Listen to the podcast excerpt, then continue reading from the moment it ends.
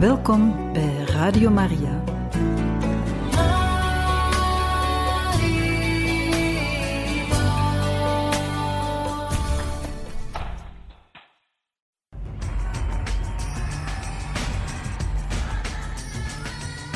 In e. In dit programma brengen we jullie nieuws uit Rome via Radio Vaticaan. Dit alles op Radio Maria. I giovani devono dirle al mondo è buono seguire Gesù, è buono andare con Gesù, è buono il messaggio di Gesù, è buono uscire da se stessi alle periferie del mondo e dell'esistenza per portare Gesù. Tre parole. Gioia, croce, giovani.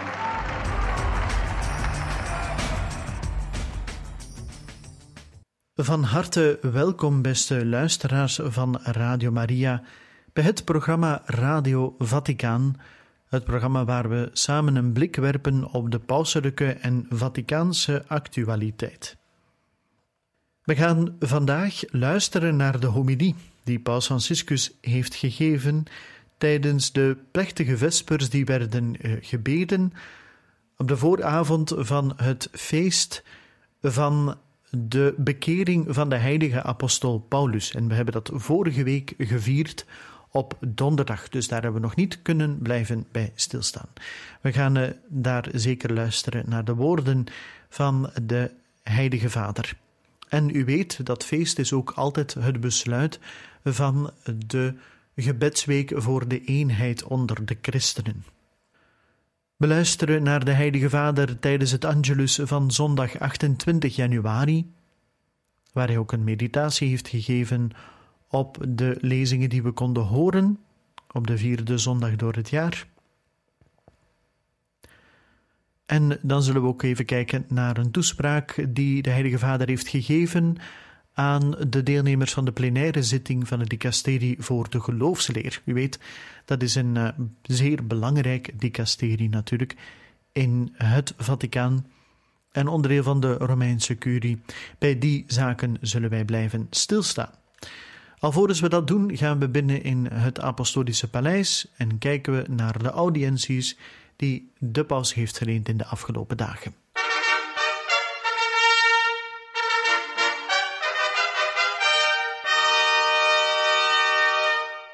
Op donderdag 26 januari ontving de paus de heer Volker Turk, de hoge commissaris voor de mensenrechten van de Verenigde Naties. Een audiëntie werd verleend aan kardinaal Christoph Schönborn, de metropolietaartsbisschop van Wenen in Oostenrijk. De paus ontving ook de directeur-generaal van de Internationale Organisatie voor Migratie, mevrouw Amy Pope, samen met haar gevolg. De bisschop van Setúbal in Portugal, kardinaal Americo Manuel Alves Aguiar, werd eveneens door de paus ontvangen.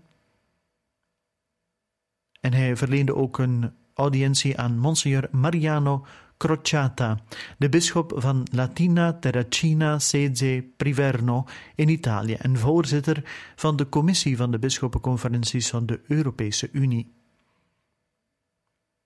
Een delegatie van het Wereldgebedsnetwerk van de paus werd eveneens door de Heilige Vader ontvangen en de leden van de Internationale Gemengde Commissie voor de Theologische Dialoog tussen de Katholieke Kerk en de Oosters-Orthodoxe Kerken, deelnemers aan het jaarlijkse studiebezoek van jonge priesters en monniken van de Oosters-Orthodoxe Kerken aan Rome.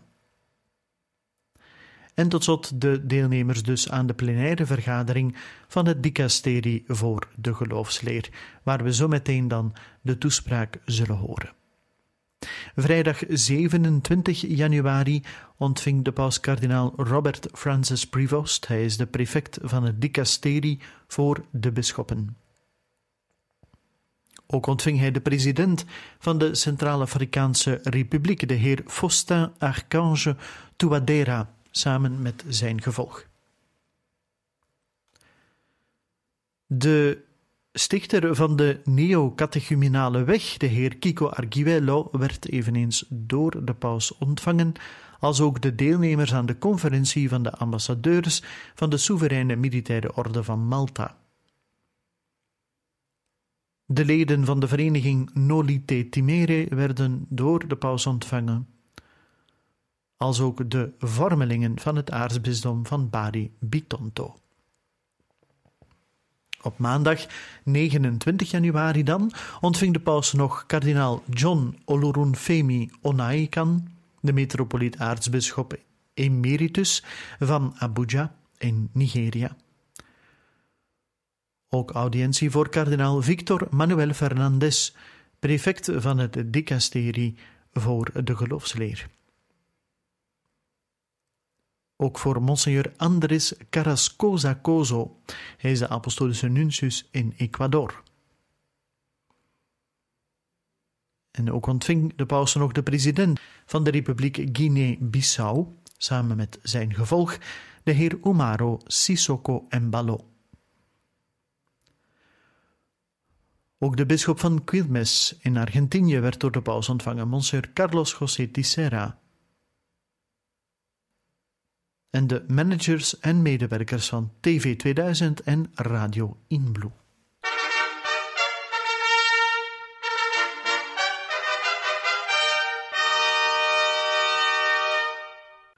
Tijd voor ons om te gaan luisteren naar de Heilige Vader en dat tijdens de Vespers die werden gebeden voor het feest dus van de bekering van de heilige apostel Paulus.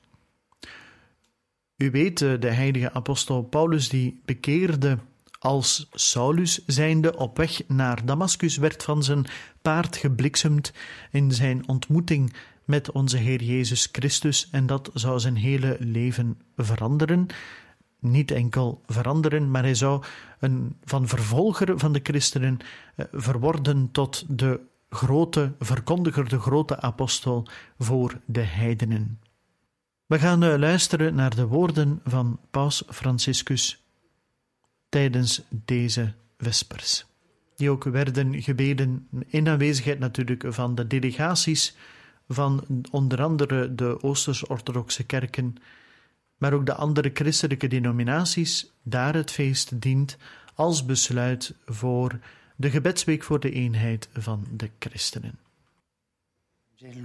Che abbiamo ascoltato, il dottore della legge, sebbene si rivolga a Gesù chiamandolo maestro, non vuole lasciarsi istruire da lui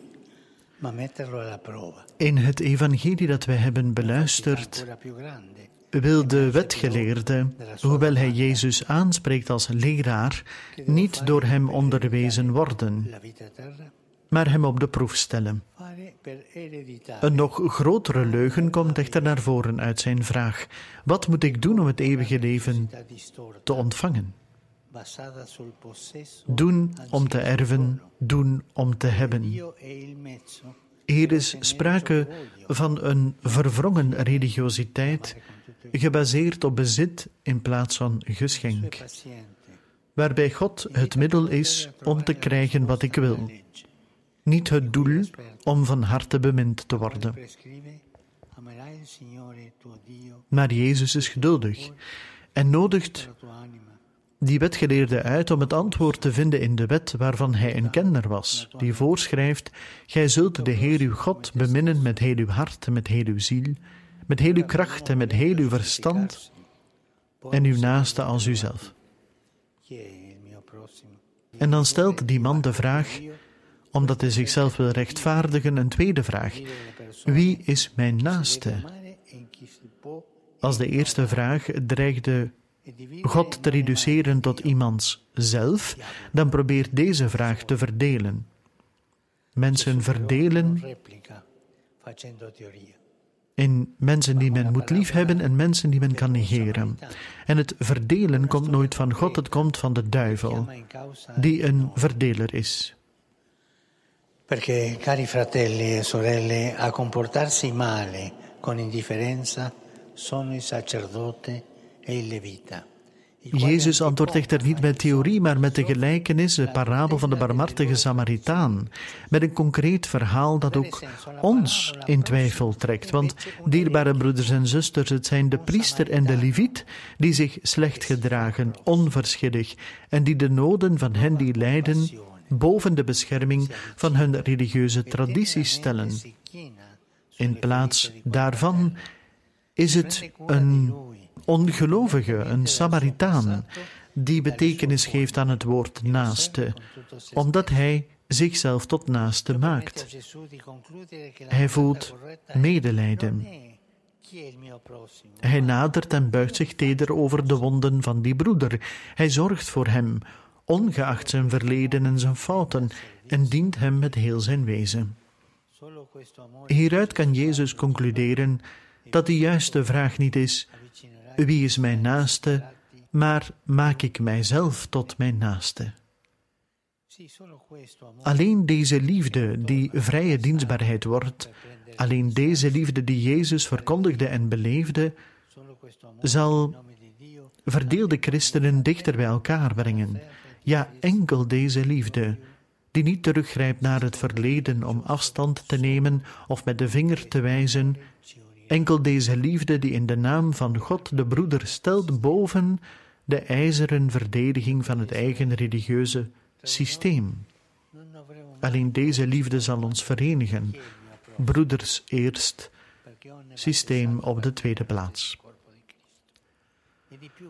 Broeders en zusters, wij mogen elkaar nooit de vraag stellen: wie is mijn naaste? Omdat elke gedoopte persoon tot hetzelfde lichaam van Christus behoort. En meer nog, omdat elke persoon in de wereld mijn broeder en mijn zuster is. En wij allen de symfonie van de mensheid vormen, waarvan Christus de eerstgeborene en de verlosser is.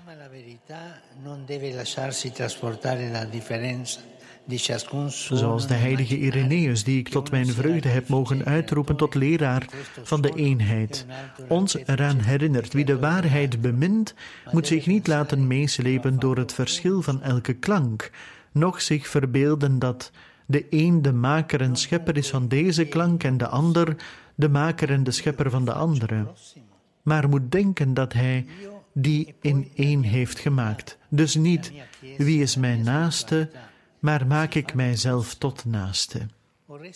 Maak ik en dan mijn gemeenschap, mijn kerk, mijn spiritualiteit zich tot naaste? Of blijven ze gebarricadeerd in de verdediging van hun eigen belangen, jaloers op hun autonomie, opgesloten in de berekening van hun eigen voordelen? En gaan ze enkel relaties aan met anderen om er iets bij te winnen? Als dat zo is, is dat niet alleen een kwestie van strategische fouten, maar ook van ontrouw aan het evangelie. Wat moet ik doen om het eeuwige leven te beërven? Zo begon de dialoog tussen de wetgeleerde en Jezus. Dus niet wie is mijn naaste, maar maak ik mijzelf een naaste. Maak ik en dan mijn gemeenschap, mijn kerk, mijn spiritualiteit zich tot buren. Vandaag wordt zelfs deze eerste vraag omvergeworpen dankzij de apostel Paulus, wiens bekering we vieren in de basiliek die aan hem is gewijd.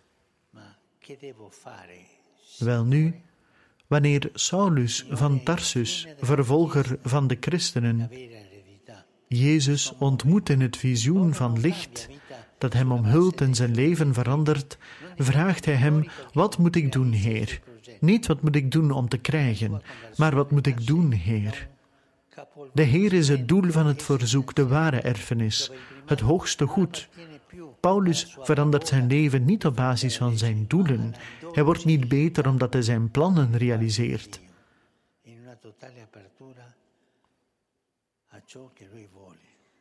Zijn bekering komt voort uit een existentiële omkering, waarbij het primaat niet langer ligt bij zijn dapperheid voor de wet, maar bij volgzaamheid ten opzichte van God en een totale openheid voor wat Hij wil. Niet zijn dapperheid, maar zijn volgzaamheid. Van dapperheid naar volgzaamheid. Als Hij de schat is, kan ons kerkelijk programma alleen bestaan uit het doen van Zijn wil, uit het tegemoetkomen aan Zijn verlangens.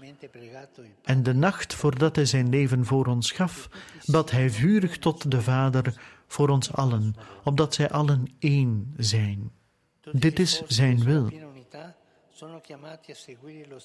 Alle inspanningen voor volledige eenheid zijn geroepen om dezelfde weg te volgen als die van Paulus, om onze ideeën centraal te stellen, om de stem van de Heer te zoeken en initiatief en ruimte voor Hem te laten.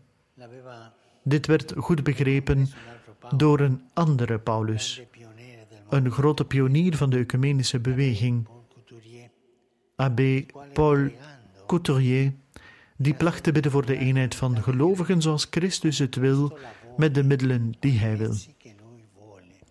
En we hebben deze bekering van perspectief en vooral van hart nodig, want zoals het Tweede Vaticaans Concilie 60 jaar geleden stelde, er is geen ware ecumene zonder innerlijke bekering. Als wij samen bidden, dan erkennen we, elk van binnenuit, dat we ons moeten bekeren. Om de Heer toe te staan ons hart te veranderen. En dit is de weg. Samen wandelen, samen dienen, waarbij gebed voorop staat. Naarmate christenen rijper worden in de dienst aan God en de naaste, groeien ze ook in wederzijds begrip, zoals het concilie opnieuw stelt. Want hoe inniger hun gemeenschap met de Vader, met het Woord en met de Heilige Geest, des te inniger en gemakkelijker zullen ze in staat zijn tot wederzijdse broederschap. En daarom zijn we hier vanavond vanuit verschillende landen, culturen en tradities. Ik ben zijn excellentie Justin Welby, de aartsbisschop van Canterbury, metropoliet Polycarpus, die het ecumenisch patriarchaat vertegenwoordigt, en u allen, die vele christelijke gemeenschappen die aanwezig zijn en zo laten zijn, dankbaar. riconoscente a sua gracia, Justin Welby. Arcivescovo di Canterbury, al, al metropolita Policarpo, in rappresentanza del Patriarcato Ecumenico, e a tutti voi che rendete presente molte comunità cristiane. Rivolgo un saluto speciale Ik richt dan ook een speciale groet aan de leden van de Internationale Gemengde Commissie voor de theologische dialoog tussen de katholieke kerk en de Oosters-Orthodoxe kerken die hun twintigste verjaardag vieren. En aan de katholieke en Anglikaanse bisschoppen die deelnemen aan de vergadering van de Internationale Commissie voor Eenheid en Missie. Het is mooi dat we vandaag met mijn broeder, aartsbisschop Justin, deze bisschoppelijke eenheden het mandaat kunnen geven om te blijven getuigen van de eenheid die God voor zijn kerk en hun respectieve regio's wil, door samen op weg te gaan om Gods barmhartigheid en vrede te verspreiden in een wereld in nood. Ik begroet ook de verantwoordelijken van de Commissie voor Culturele Samenwerking met de orthodoxe kerken van het dicasterie voor de bevordering van de eenheid van de christenen en de deelnemers aan de studiebezoeken die georganiseerd worden voor jonge priesters en monniken van de Oosters-orthodoxe kerken en voor de studenten van het BOSI, Ecumenisch Instituut van de Ecumenische Raad der Kerken.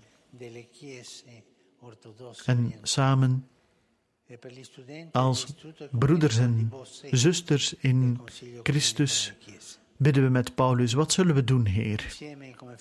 En door de vraag te stellen is er reeds een antwoord, want het eerste antwoord is gebed. Bidden voor eenheid, dat is de eerste taak van onze reis en het is een heilige taak. Maar het is in gemeenschap zijn met de Heer, die allereerst tot de Vader bad om eenheid. En we blijven ook bidden voor het einde van de oorlogen, vooral in Oekraïne en het Heilige Land. En een hartelijke groet gaat ook uit naar het geliefde volk van Burkina Faso, vooral naar de gemeenschappen. Daar zij het materiaal hebben voorbereid voor de week van gebed voor de eenheid, mogen naast de liefde de plaats innemen van het geweld dat hun land teistert. Wat zal ik doen, Heer? En de Heer zegt, Paulus, sta op en ga verder. Sta op, zegt Jezus aan ieder van ons en aan onze zoektocht naar eenheid. Laten we dan opstaan in de naam van Christus. Uit onze vermoeidheid en onze gewoontes en laten we doorgaan, voortwaarts gaan, omdat Hij dat wil en Hij wil dat we, opdat de wereld gelooft, dit doen. Laten we dus bidden en laten we voortwaarts gaan, want dit is wat God van ons verlangt. Dit is wat Hij van ons verlangt. E dalle nostre abitudini. E proseguiamo andando avanti, perché Lui lo vuole e lo vuole perché il mondo creda. Preghiamo dunque e andiamo avanti, perché questo Dio desidera da noi. È questo che desidera da noi. De woorden van Paus Franciscus tijdens deze plechtige vespers die werden gebeden, zoals u kon horen, in de basiliek van Sint Paulus buiten de muren. Dat is ook de plaats waar de heilige apostel Paulus te rusten is gelegd. Een hele mooie basiliek, die een ieder die Rome heeft bezocht als pelgrim zeer zeker niet zomaar aan zich voorbij laat gaan. Een eh, prachtige plaats en op die manier kan je als pelgrim een beetje deelnemen aan een traditie die eigenlijk aan de bisschoppen ook wordt eh, gevraagd. Hè. Het bezoek om naar de drempels van de graven van de apostelen te gaan. We gaan er even tussenuit met wat muziek en komen daarna graag bij u terug en zullen verder luisteren naar de woorden van Paus Franciscus. Tú no quieres, Señor, que espera ser santa para amarte. Por eso, así como soy, así como estoy, te digo, tú lo sabes todo, Dios mío, tú sabes que te amo.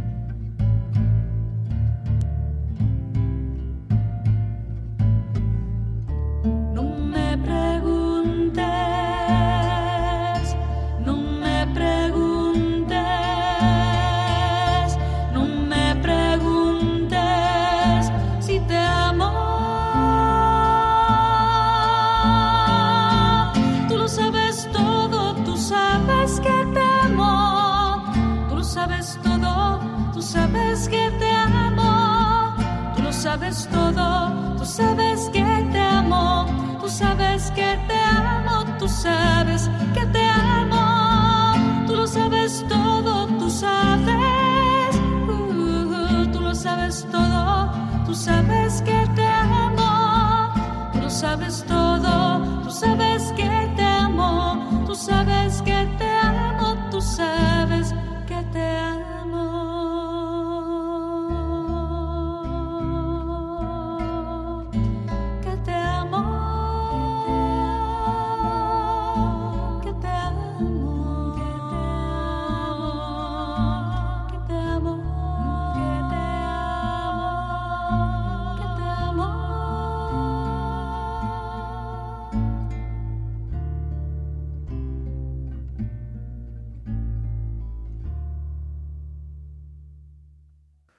Welkom terug, beste luisteraars van Radio Maria, bij het programma Radio Vaticaan.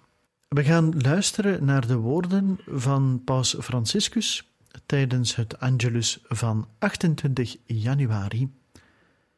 En dat terwijl hij het Angelus bad samen met de gelovigen op het Sint-Pietersplein. Il Vangelo odierno ci presenta Gesù mentre libera una persona Het evangelie van vandaag stelt Jezus aan ons voor terwijl hij een persoon bevrijdt die bezeten was door een boze geest, die de persoon kwelde en liet schreeuwen. Dit is wat de duivel doet. Hij wil bezitten om onze zielen te ketenen. Onze zielen ketenen, dat is wat de duivel wil. En we moeten oppassen voor deze ketenen die onze vrijheid verstikken. Want de duivel neemt je vrijheid weg. Altijd. Laten we daarom proberen namen te geven aan enkele van de ketens die ons hart kunnen ketenen. Ik denk aan verslavingen die ons tot slaven maken, altijd ontevreden en die energie, goederen en genegenheid verslinden. Ik denk aan de dominante mode die ons drijft naar onmogelijk perfectionisme, consumentisme en hedonisme, die mensen vercommercialiseren en hun relaties bederven en andere ketens, de verleidingen en conditioneringen die het gevoel van eigenwaarde, sereniteit en het vermogen om te kiezen en het leven te beminnen ondermijnen. Nog een andere keten, angst, waardoor je pessimistisch naar de toekomst kijkt. En ongeduld, waardoor je altijd anderen de schuld geeft. En dan nog een heel lelijke, de idolaterie van de macht, die conflicten genereert en zijn toevlucht neemt tot wapens, die doden of gebruik maakt van economische onrechtvaardigheid en de manipulatie van het denken. Er zijn zoveel van die kettingen, ketens in ons leven. En Jezus kwam om ons van al deze ketenen te bevrijden. En vandaag, op de uitdaging van de duivel die hem toeroept wat wil je? Ben je gekomen om ons te gronden te richten? Antwoordt hij: Hou je mond, ga uit hem weg. Jezus heeft de macht om de duivel uit te drijven. Jezus bevrijdt uit de macht van het kwaad. En laten we oppassen. Hij drijft de duivel uit, maar hij praat niet met hem. Jezus heeft nooit met de duivel gesproken. En toen hij in de woestijn bekoord werd, waren zijn antwoorden woorden uit de Bijbel, nooit een dialoog. Broeders en zusters, met de duivel is er geen dialoog. Er is geen dialoog met de duivel, want als je een dialoog met hem aangaat, dan wint hij altijd. Wees voorzichtig. Prudentia. Wat doen we dan als we ons bekoord en onderdrukt voelen? Onderhandelen wij met de duivel? Nee, je onderhandelt nooit met hem. We moeten Jezus aanroepen. Roep hem daar aan waar we de keten van het kwaad en de angst het sterkste voelen. De Heer met de kracht van zijn geest wil ook vandaag tegen de Satan zeggen: Ga weg, laat het hart met rust, verdeel de wereld, de gezinnen, de gemeenschappen niet. Laat ze in vrede leven, zodat de vruchten van mijn geest daar kunnen bloeien, niet de jouwe. Zo zegt Jezus, zodat liefde, vreugde, zachtmoedigheid onder hen kunnen heersen en er in plaats van geweld en kreten van haat, vrijheid en vrede kan zijn. Laten wij ons dan afvragen: wil ik echt vrij zijn van de ketenen die mijn hart binden? En dan weet ik dan hoe ik nee moet zeggen tegen de verleidingen van het kwaad, voordat ze mijn ziel binnensluipen. En tenslotte roep ik Jezus aan, sta ik Hem toe in mij te handelen, mij van binnenuit te genezen. Mogen de Heilige Maagd Maria ons beschermen tegen het kwaad.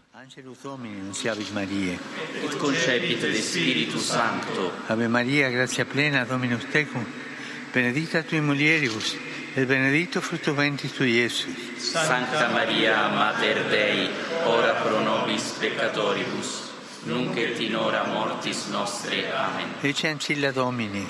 Fiat mi secundum verbum tuum. Ave Maria, grazia plena, Dominus tecum, benedicta tui mulieribus e benedetto frutto ventris tui, Iesus. Sancta Maria, Mater Dei, ora pro nobis peccatoribus, nunc et in hora mortis nostre. Amen. Verbum caro factum est. It habitavit in nobis. Ave Maria, grazia plena, Dominus tecum, benedicta tui mulieribus e benedetto frutto ventris tui, Iesus. Sancta Maria, Mater Dei, ora pro nobis peccatoribus, nunc et in hora mortis nostre. Amen. Ora pro nobis, Santa Dei Gentris. Ut digni ficiamur promissionibus Christi. Grazie a Tua, in questo Domine, mentibus nostris infunde, ut angelo annunziante, Christi Fili Tua, incarnazione coniovium, per passione meius ad crucem, a resurrezione gloriam perducamo, per Christum Dominum nostrum. Amen. Gloria Patri et Filio et Spiritui Sancto. Sicut erat in principio et nunc et semper, et in saecula saeculorum. Amen. Pro fidelibus defuntis, requiem aeterna dona eis Domine. et lux perpetua lucet eis. Requiescant in pace. Amen. Sit nomen Domini benedictum. Ex conunc et usque in saeculum, Aiutorium nostrum in nomine Domini. qui fecit celum et terram. Et benedicat vos, omnipotens Deus, Pater, et Filius, et Spiritus Sanctus. Amen. En zo konden we onmiddellijk aansluitend samen met de Heilige Vader het Angelus bidden. We gaan nog verder bij het einde van onze aflevering met de toespraak die de paus heeft gegeven aan de deelnemers van de plenaire zitting voor het dicasterie voor de geloofsleer. Hij zei het volgende: Dierbare kardinalen, dierbare broeders in het bisschopsambt en in het priesterschap, dierbare broeders en zusters. Ik verwelkom u aan het einde van de plenaire vergadering. Ik begroet de prefect en de andere oversten, ambtenaren, leden van het dicasterie, aan allen mijn dank voor uw waardevolle werk. Zoals in de apostolische constitutie Predicate Evangelium staat, is het de taak van het dicasterie voor de geloofsleer om de paus van Rome en de bisschoppen bij te staan in de verkondiging van het evangelie over de hele wereld, door de integriteit van de katholieke leer over geloof en moraal te bevorderen en te waarborgen, door uit het geloofsgoed te putten en ook te zoeken naar een steeds dieper begrip van nieuwe vragen. Artikel 69. Juist om deze doelen te bereiken werd al met het motu proprio Fidem Servare op 11 februari 2022 twee afzonderlijke afdelingen binnen het dicasterie gecreëerd: de leerstellige afdeling en de disciplinaire afdeling. In de brief die ik op 1 juli 2023 aan de prefect stuurde ter gelegenheid van zijn benoeming, verwees ik naar deze maatregel om zijn opdracht en de huidige missie van het dicasterie beter te definiëren. Enerzijds benadrukte ik het belang van de aanwezigheid van competente professionals binnen de afdeling van de discipline, om zorgvuldigheid en striktheid te garanderen bij de toepassing van de huidige kanonieke wetgeving, in het bijzonder bij de behandelingen van gevallen van seksueel misbruik door geestelijken en om kanonieke opleidingsinitiatieven voor bisschoppen en juristen te bevorderen. Aan de andere kant heb ik aangedrongen op de dringende noodzaak om meer ruimte en aandacht te geven aan de eigenlijke sfeer van de doctrinaire afdeling, waar geen gebrek is aan opgeleide theologen en gekwalificeerd personeel, ook voor het werk in het huwelijksbureau en in het archief, waarvan ik de 25e verjaardag herinner van de opening voor het publiek door de heilige paus Johannes Paulus II en kardinaal Ratzinger, toen prefect van de congregatie, in de nabijheid van het grote jubileum van het jaar 2000.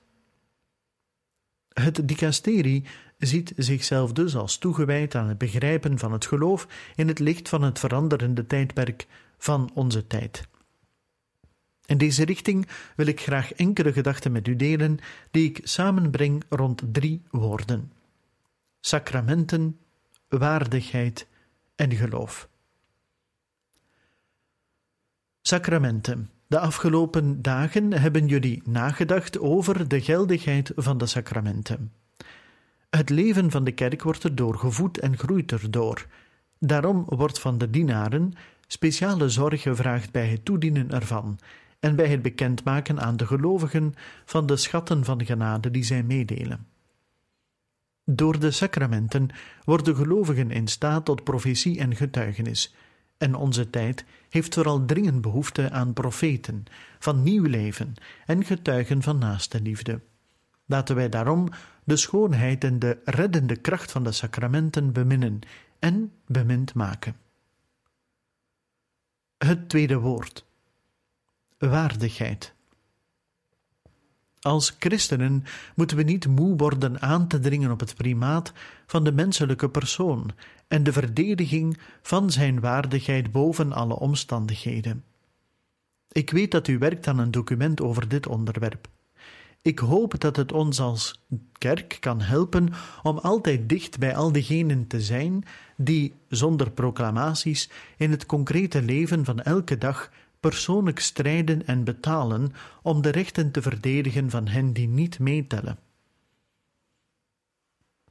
En er zo ervoor zorgen dat tegenover de verschillende huidige manieren om anderen uit te schakelen of te negeren, we in staat zijn om te reageren met een nieuwe droom van broederschap en sociale vriendschap, die niet beperkt blijft tot woorden. Het derde woord is geloof. In dit verband wil ik twee gebeurtenissen in herinnering brengen.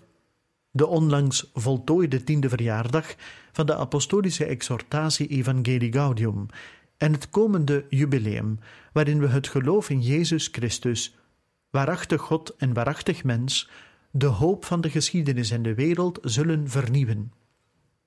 We kunnen echter niet verhullen dat in grote delen van de wereld het geloof zoals Benedictus XVI zei, niet langer een vanzelfsprekende veronderstelling van het gewone leven is. Het wordt zelfs vaak ontkend, bespot, gemarginaliseerd en belachelijk gemaakt.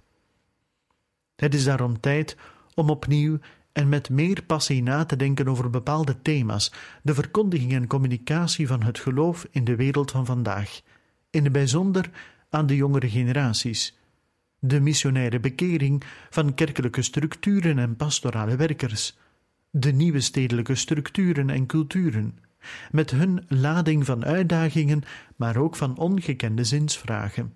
En tenslotte en bovenal de centrale rol van het kerigma en het leven en de zending van de kerk. Hier wordt hulp verwacht van de dicasterie. Het geloof behouden vertaalt zich vandaag in een engagement tot reflectie en onderscheiding, zodat de hele gemeenschap zal streven naar een echte pastorale en kerigmatische missionaire bekering, die ook de lopende synodale weg zal helpen. Wat voor ons essentieel, het mooiste, het aantrekkelijkste en tegelijkertijd het meest noodzakelijk is, is het geloof in Jezus Christus. Allen tezamen, als God het wil, zullen we het plechtig vernieuwen tijdens het komende jubileum. En ieder van ons is geroepen om het te verkondigen aan iedere man en vrouw op aarde. Dit is de fundamentele taak van de kerk, die ik juist in Evangelii Gaudium heb verwoord. In deze context van evangelisatie noem ik ook de recente verklaring Fiducia Supplicans. De bedoeling van de pastorale en spontane zegeningen is om concreet de nabijheid van de Heer en de Kerk te tonen aan allen die in verschillende situaties hulp vragen om een geloofsreis verder te zetten of soms te beginnen. Ik wil kort twee dingen benadrukken. Het eerste is dat deze zegeningen buiten elke liturgische context en vorm geen morele volmaaktheid vereisen om ontvangen te worden. Het tweede is dat wanneer een koppel spontaan naar elkaar toekomt om ze te vragen, niet de relatie wordt gezegend, maar gewoon de mensen die er samen om gevraagd hebben. Niet de relatie, maar de mensen. Natuurlijk rekening houdend met de context, de gevoeligheden, de plaatsen waar men woont en de meest geschikte manieren om dit te doen. Dierbare vrienden, ik vernieuw onze dankbaarheid voor jullie dienst en moedig jullie aan om door te gaan met de hulp van de Heer. En vergeet alsjeblieft niet om voor mij te bidden. Ik dank u. En dus uh, ja, in deze toespraak nog een uh, verduidelijking over het document Fiducia Supplicans, waarbij het onder meer ging over de uh, mogelijkheid om mensen die in een onregelmatige situatie zijn, en dan vooral in een onregelmatige relatievorm zijn, om een zegen te vragen. En er is heel wat verwarring ontstaan daarover, omdat men ervan uitging, zo is het ook in de media voorgesteld, dat men dus de relatie zelf zegende en daarmee op een of andere manier erkenning gaf. Dat is niet het geval. De paus herhaalt het hier nogmaals. Het is al eerder ontkend, ook door de prefect van het dicasterie voor de geloofsleer, dat het dus gaat over, zoals daarvoor eigenlijk, de zegening van twee mensen. En dat kon voor fiducia supplicans trouwens ook al. Dus eigenlijk verandert het document zeer weinig. Het enige wat je zou kunnen zeggen is dat het een stimulans is voor een ieder die in zo'n situatie is om de hulp van God te vragen, om op een of andere manier te kunnen groeien en in een situatie terecht te komen waar zij ook hun leven kunnen leiden eh, zoals Jezus het van hen vraagt en dat ze Jezus kunnen volgen in het leven zoals een ieder ertoe geroepen is. En zo zijn we aan het einde gekomen van deze aflevering van Radio Vaticaan. We danken u van ganser harte voor het luisteren en hopen dat u ook een volgende keer opnieuw afstemt op Radio Vaticaan. We doen ons best om u op de hoogte te houden van de gebeurens in het Vaticaan en in het leven van Paus Franciscus. Van harte dank en nog een bijzonder fijne dag gewenst.